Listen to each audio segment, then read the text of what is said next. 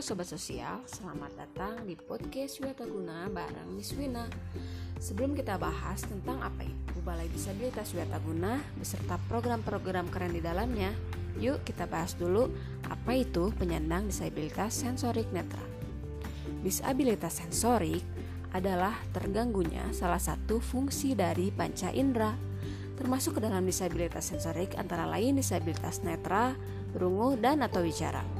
Disabilitas netra adalah orang yang memiliki akurasi penglihatan kurang dari 6 per 60 setelah dikoreksi atau sama sekali tidak memiliki daya penglihatan. Menurut Undang-Undang Nomor 8 Tahun 2016, penyandang disabilitas sensorik netra mengacu pada gangguan fungsi indera penglihatan, sehingga dalam berkomunikasi biasanya mereka mengoptimalkan indera pendengaran, perabaan, dan penciuman. Beberapa penyebab kedisabilitasan di antaranya berdasarkan waktu kejadiannya yaitu sebelum lahir, ketika proses kelahiran, sejak dilahirkan, ketika usia sekolah, ketika dewasa, dan ketika lanjut usia. Faktor-faktor penyebabnya biasanya adalah kecacatan sejak lahir, penyakit yang diderita seperti glukoma, kecelakaan, dan lain-lain. Penyandang disabilitas netra berdasarkan tingkat kemampuannya untuk melihat yaitu penyandang disabilitas netra ringan atau low vision yakni mereka yang memiliki sedikit gangguan penglihatan. Penyandang disabilitas netra sedang atau partially sight yakni mereka yang kehilangan sebagian daya penglihatan. Kemudian ada juga penyandang disabilitas netra berat atau disebut dengan totally blind. Gejala-gejala fisik yang dapat terlihat pada disabilitas sensorik netra di antaranya mata juling, sering berkedip, menyipitkan mata, kelopak mata merah, mata infeksi, gerakan mata tak beraturan dan cepat, mata selalu berair, pembengkakan pada kulit tempat tumbuh bulu mata, dan lain-lain. Dari segi mental intelektual atau kecerdasan, pada umumnya penyandang disabilitas netra tidak berbeda dengan orang yang bukan penyandang disabilitas netra. Kecenderungan IQ penyandang disabilitas netra ada yang IQ-nya tinggi dan ada yang IQ-nya rendah.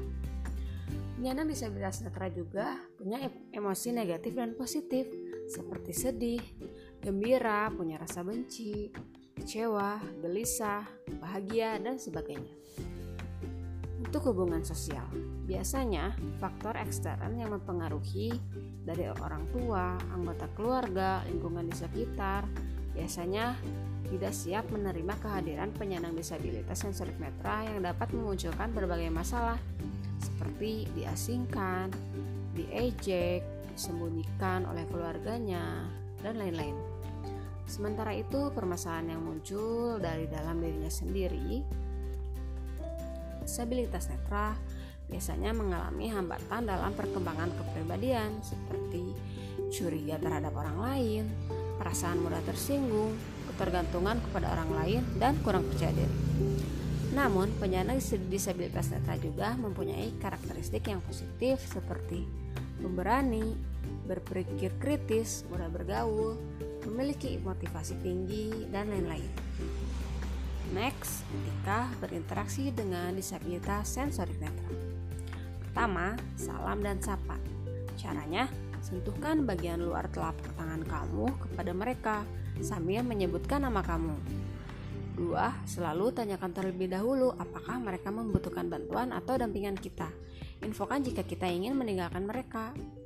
Dalam menuntun, biarkan penyandang disabilitas netra yang memegang pendamping, bukan sebaliknya kemudian tidak memindahkan barang-barang milik atau yang sedang digunakan penyandang disabilitas netra tanpa sepengetahuan mereka sepenuhnya. Oke sobat sosial, udah bertambahkan wawasan kamu tentang disabilitas sensorik netra? Thank you for listening Wiataguna Podcast. Sampai ketemu di episode-episode podcast selanjutnya.